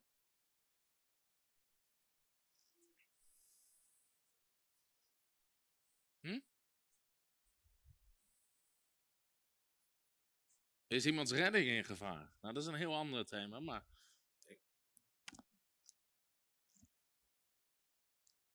Jezus zegt: als, als jij mensen niet kan vergeven, kan God jou niet vergeven. Nou, wat voor consequentie dat heeft, mag je ook zelf over nadenken. Dit is de faith school. Dit is de faith school. Dit is makkelijk, hè? Dit is toch lekker? Zodra we de reddingsschool doen, laat ik het iedereen weten, oké? 25 avonden over hoe je gered wordt. nou, laat je leiden door de geest. En dan wandel je in liefde. 1 Korinthe 13. 1 Korinthe 13. Dus je wil altijd snel zijn om te vergeven. Snel om te vergeven. De Bijbel zegt: laat de zon niet ondergaan over uw boosheid. Nou, als je dat doet, houd je je hart vrij. 1 Korinthe 13 vanaf vers 4. Dit is. Hier omschrijft Paulus goddelijke liefde. De context is de gave van de geest. In 1 Korinthe 12 heeft Paulus over de gave van de geest. En dan zegt hij, ik wijs u een weg die dit alles nog overtreft. dan gaat in 1 Korinthe 13 heeft hij het over wandelen liefde. En in 1 Korinthe 14 gaat hij weer verder over de gave van de geest. Nou, in 1 Korinthe 13 omschrijft Paulus onder andere goddelijke liefde. Dus dit is geen menselijke liefde, maar dit is goddelijke liefde. En dit is ook een mooie om in plaats van het woord liefde je eigen naam in te vullen. Maar we gaan even lezen vanaf vers 13, vers 4. Er staat, liefde is geduldig. Ze is vriendelijk. Ze is niet jaloers. Liefde pronkt niet. Liefde doet niet gewichtig. Liefde handelt niet ongepast. Liefde zoekt niet haar eigen belang. Ze wordt niet verbitterd. Ze denkt geen kwaad. Verblijdt zich niet over ongerechtigheid. Verheugt zich over de waarheid. Liefde bedekt alle dingen. Liefde gelooft alle dingen. Liefde hoopt alle dingen. Ze verdraagt alle dingen. Liefde vergaat nooit. Of liefde faalt nooit. Nou, dit is een hele mooie stuk tekst om in, wat verschillende vertalingen te lezen. Ook wat Engelse vertalingen. Maar laten we eens even iets langzamer doorheen gaan. De eerste, wat Paulus opnoemt, is liefde is geduldig. Nou, dit spreekt ook over het karakter van God, de goedheid van God. Op het moment dat God zijn goedheid aan Mozes openbaart, dan zegt God het eerste dat hij is eindeloos geduldig. Nou, liefde is geduldig. Een andere vertaling zegt daar, liefde verdraagt lang. Hoe lang kan je mensen verdragen die je niet mag? Liefde verdraagt lang. Liefde verdraagt lang. Andere vertaling zegt, liefde is eindeloos geduldig. In andere woorden, liefde geeft niet op aan mensen. Liefde geeft mensen altijd nog een kans. En nog een kans. En nog een kans. En als ze het verprutsen, geeft ze nog een kans. Mensen vinden liefde soms lastig. Soms bellen mensen mij en zeggen: Ja, die en die, die, die mag dit en dat bij jou doen, maar die heeft dit en dat gedaan. Geef ze nog een kans. Ja, maar geef ze een kans. Vergeef mensen, geef ze een kans. Wat als het misgaat? Gaat het mis?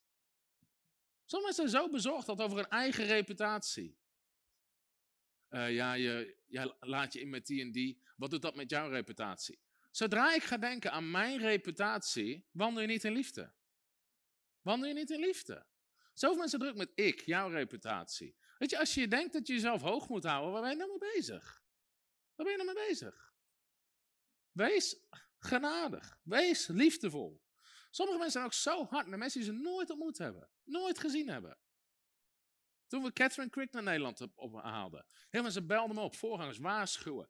Uh, dit en dat. Ik zei, heb je er ooit ontmoet? Nee, nee, nee. Heb je er ooit gesproken? Nee, nee, nee. Ben je ooit wel eens in een dienst geweest? Nee, nee, nee. Uh, ik heb een video op Facebook gezien van 15 seconden. Alsjeblieft. Weet je, ja, maar wat als het misgaat? Dan gaat het mis. Hebben we iets geprobeerd? Ja, wees niet zo bezorgd over je reputatie, over dit, over dat. Als het misgaat, sturen we bij. Nogmaals, we zijn, ik ben wel s'nachts geboren, maar niet afgelopen nacht. Kom maar zeggen, ja, maar wat als het helemaal misgaat, als iets spreekt waar je totaal niet achter staat? Neem ik de samenkomst over, maak hem zelf af.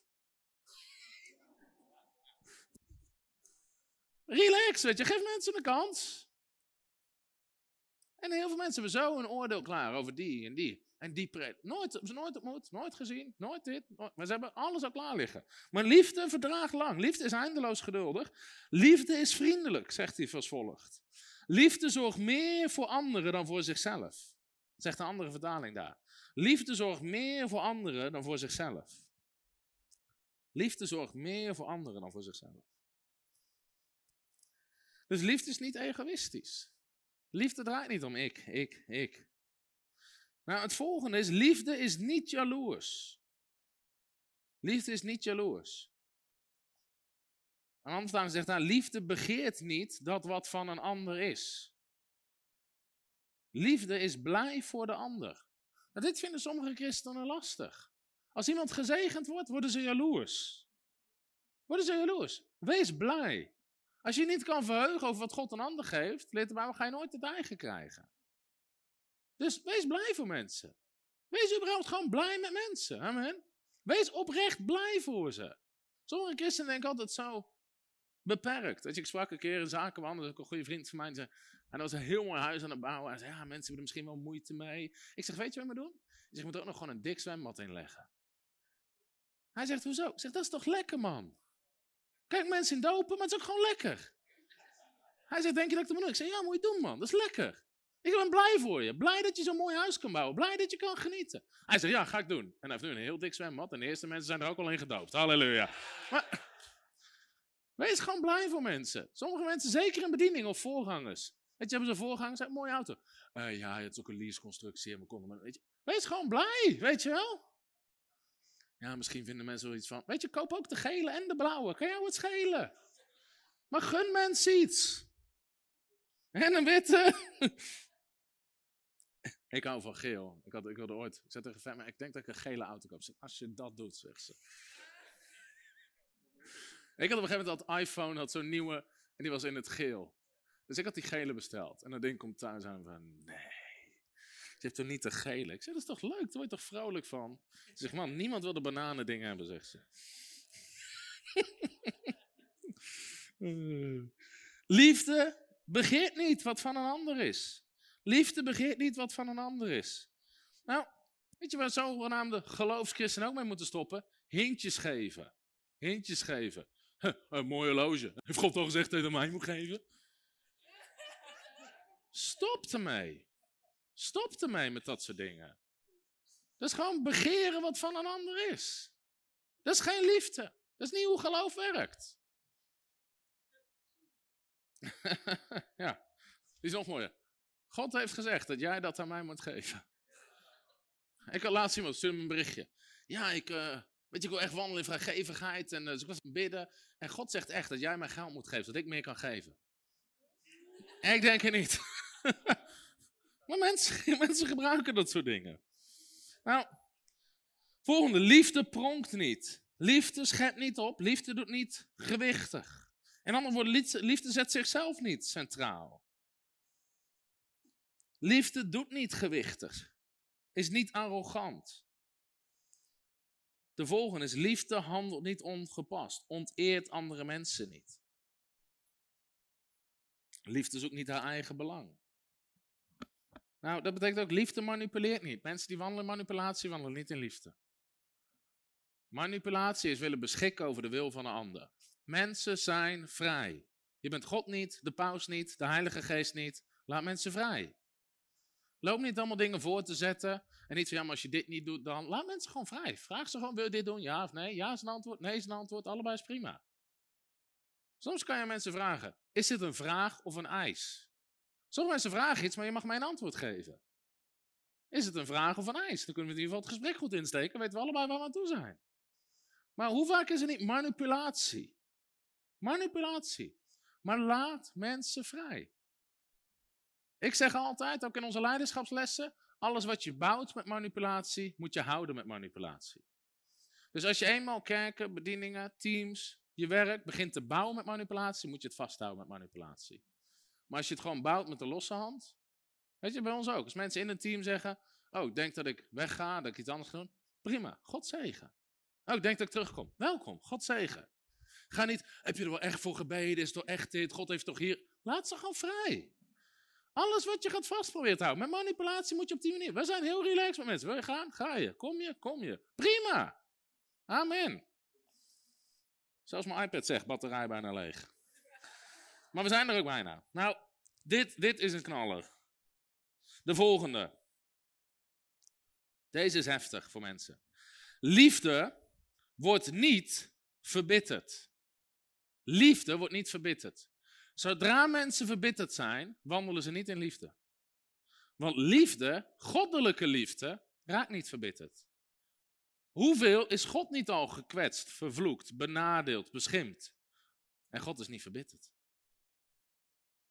God is niet verbitterd. Heer, vergeef ze, want ze weten niet wat ze doen. Ze weten niet wat ze zeggen. Nou, een andere vertaling zegt, liefde raakt nooit gekwetst omdat ze meteen vergeeft. Als je meteen vergeeft, kunnen mensen je niet kwetsen. Liefde raakt nooit gekwetst, omdat ze meteen vergeeft. Nou, en hier hebben we nog een andere vertaling. De Engelse vertaling zegt: Liefde houdt de fouten van anderen niet bij. Liefde houdt de fouten van anderen niet bij. Love takes no accounts of suffered wrongs. Sommige christenen hebben hele lijstjes. En eh, met die heeft toen die gedaan, die heeft toen dat gezegd, die is toen dit gebeurd. Hier is. Liefde houdt er niet bij. Liefde houdt er niet bij. Man, als God onze lijstjes bij ging houden. dus, hou dat soort dingen niet bij. Hou er niet bij. Liefde houdt de fouten van anderen niet bij. Liefde rekent het kwaad van anderen niet aan. Nou, wandelen in echt goddelijke liefde geeft mensen gewoon de vrijheid om je te kwetsen. Maar mensen kunnen het gewoon doen. En je vergeeft ze. En je laat los. Dat is goddelijke liefde. Gaat ver. En nogmaals, ik zeg niet dat je moet blijven laten kwetsen. Sommige ongezonde omgevingen moet je gewoon uitstappen. Maar doe het in liefde. Sommige mensen moet je lief hebben en links laten liggen. Maar doe het in liefde. Dat mag wel. Ja hoor, lief hebben en links laten liggen. Nou, liefde denkt geen kwaad, zegt Paulus volgens. Wat betekent dat? Liefde denkt altijd het beste van de ander. Liefde last het niet. Vervolgens zegt hij, liefde verblijdt zich niet over de ongerechtigheid, maar verheugt zich over de waarheid. Nou, weet je wat de Engelse vertaling zegt? Liefde is niet blij als ze slechte verhalen over anderen hoort. Sommige mensen zijn blij als ze van, oh, Martien die gaat niet zo goed. Ah, zie je wel, ik dacht het al, ik had het Nee, liefde is niet blij als ze slechte verhalen over anderen hoort. Daarom kan je geen christelijke nieuwsmedia zijn en allemaal slechte verhalen over mensen posten. Dat komt nooit vanuit het hart van God, want het is geen liefde. Liefde is niet blij als ze slechte verhalen over anderen hoort. Sommige christenen zitten te smullen. Oh, oh, nou, oh, oh, oh. Dat is geen liefde. Weet je, op het moment dat Saul vermoord wordt en de boodschap komt bij David en ze kwamen heel trots vertellen, oh, Saul is dood en nou ben jij. Het eerste wat, in de Engelstaling, het eerste wat David zegt, publish not, maak het niet bekend dat de gezalfde van de Heer geraakt is. Maak het niet bekend. Nou, we hebben het niet over een enorme doofpot creëren, maar liefde is niet blij als ze dat soort dingen hoort. Liefde stemt niet in met ongerechtigheid. Zie je, dus liefde is ook niet, je dekt alles me toe. Er staat, liefde bedekt alle dingen, maar dat betekent, de andere vertaling zeggen, liefde beschermt de ander altijd. Liefde bedekt de overtreding van anderen en maakt ze niet openbaar. Liefde gelooft alle dingen. Een andere vertaling zegt, liefde gelooft het beste van ieder persoon. Liefde hoopt alle dingen. Liefde heeft altijd goede hoop, zelfs in moeilijke tijden of met moeilijke mensen. Liefde verdraagt alle dingen. Een andere vertaling zegt, liefde verdraagt kwaad zonder dat ze verzwakt wordt in liefhebben. En dan staat er, liefde vergaat nooit. Oftewel, liefde faalt nooit. Liefde raakt nooit op. Liefde kent geen grenzen. Nou, dit is goddelijke liefde. Goddelijke liefde. En ik denk dat God ook gewoon de kerk wil wel leren om hierin te wandelen. Hoeveel meer kracht zou er komen? Hoeveel meer zegen? Hoeveel meer gebedsverhoring? Als we echt zouden wandelen in goddelijke liefde. Dat we bitterheid wegdoen. Want Jezus zei, heb het geloof van God. Spreek tegen de berg, als je niet twijfelt zal die wijken. Alles wat je biddend begeert, gelooft dit ontvangen hebt, je zal het hebben. Maar wanneer je staat te bidden, en als u iets tegen iemand heeft, vergeven. Vergeven. Dus voor krachtig geloof, wat bergen verplaatst, wat gebedsverhoring ontvangt, is vergeving. Liefde. Is zo'n grote voorwaarde. Het geloof wat door werk, liefde werkzaam is.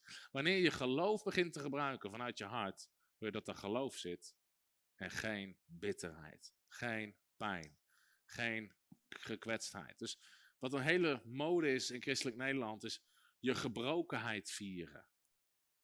Maar je gebrokenheid hoort bij je oude mens. Is onderdeel van je ziel. In Christus ben je een nieuwe schepping. Het oude is voorbij gegaan, alles is nieuw geworden. En de Bijbel legt nergens de nadruk op onze gebrokenheid en onze zondige natuur. Hij legt altijd de nadruk op de nieuwe schepping en wie we zijn in Christus. En wandelen in goddelijke liefde. Wandelen in heelheid. Ja, we zijn allemaal gebroken. Hoe lang blijf je gebroken? Hoe lang blijf je gebroken? Ga wandelen in heelheid. Ga wandelen in liefde. Wandel in Gods soort liefde. Dan stap je uit je gebrokenheid. Want liefde is niet zo bitter. Liefde houdt geen fouten bij. Liefde raakt niet gekwetst. Dus het is prima als mensen gebroken binnenkomen. Maar als je na twintig jaar nog steeds gebroken bent, is er iets mis. Waar is het herstel van God? In je leven. Nou, zolang je in die ziel blijft zitten, blijf je worstelen met gebrokenheid. Maar zodra mensen leren leven vanuit een wedergeboren geest, wandelen in liefde, wandelen in geloof, komt de genezing. Komt de genezing. Van hoe heftig de afwijzing ook is. Hoe heftig de pijn ook is. Hoe heftig het misbruik ook geweest is. Je kan erboven staan. Door te wandelen in liefde. Door te wandelen in geloof. Omdat jouw identiteit is niet berust op wat anderen jou hebben gedaan. Jouw identiteit is wie God zegt dat je bent. Je bent een kind van God. Je hebt goddelijke liefde in. Je hebt geloof van God. Je kan bergen verplaatsen, gebeden beantwoord krijgen. Niks hindert je, behalve als jij je blijft focussen op je eigen gebrokenheid. Dat is een beetje ik arme zondaar. Nee, jij een nieuwe schepping. Amen. Het is niet langer ik ellendig mens. Je bent een nieuwe schepping in Christus Jezus. Amen. Het oude is voorbij gegaan. Alles is nieuw geworden. En die nieuwe mens die wandelt in liefde. Nou, heb je iets geleerd over geloof wat door liefde werkzaam is? En daarom zei ik, als je dit niet doet, werkt je geloof niet. Nou snappen misschien sommige mensen nu ook en zeggen, oh wacht, nu vallen wat puzzelstukjes misschien op zijn plek. Nou, ik wil je ook uitnodigen en ik ga vanavond, kijk, hier hoef je ook geen oproepen te doen. Hier hoef je ook niet voor mensen mee te bidden. Maar als jij iets hebt tegen iemand, voordat je vanavond gaat slapen, vergeef die persoon. Vergeef het. Laat het los. Opdat je losgelaten wordt. En je kan zelfs vragen, Heilige Geest, breng mensen bij hem omhoog. Hier, dan komen we. Iemand begint meteen namen te roepen van Nederlandse politicussen. Zie je, ik zei Heilige Geest, breng het omhoog. Nou, boem, daar kwam het meteen. Hè? Die zat al heel hoog. Die had nog maar één duwtje nodig. Nou.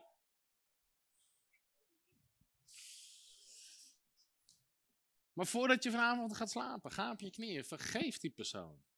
En met dat je hem vergeeft, misschien is het gewoon iemand die je misbruikt heeft. Vergeef het. Hij of zij wist niet wat ze deed.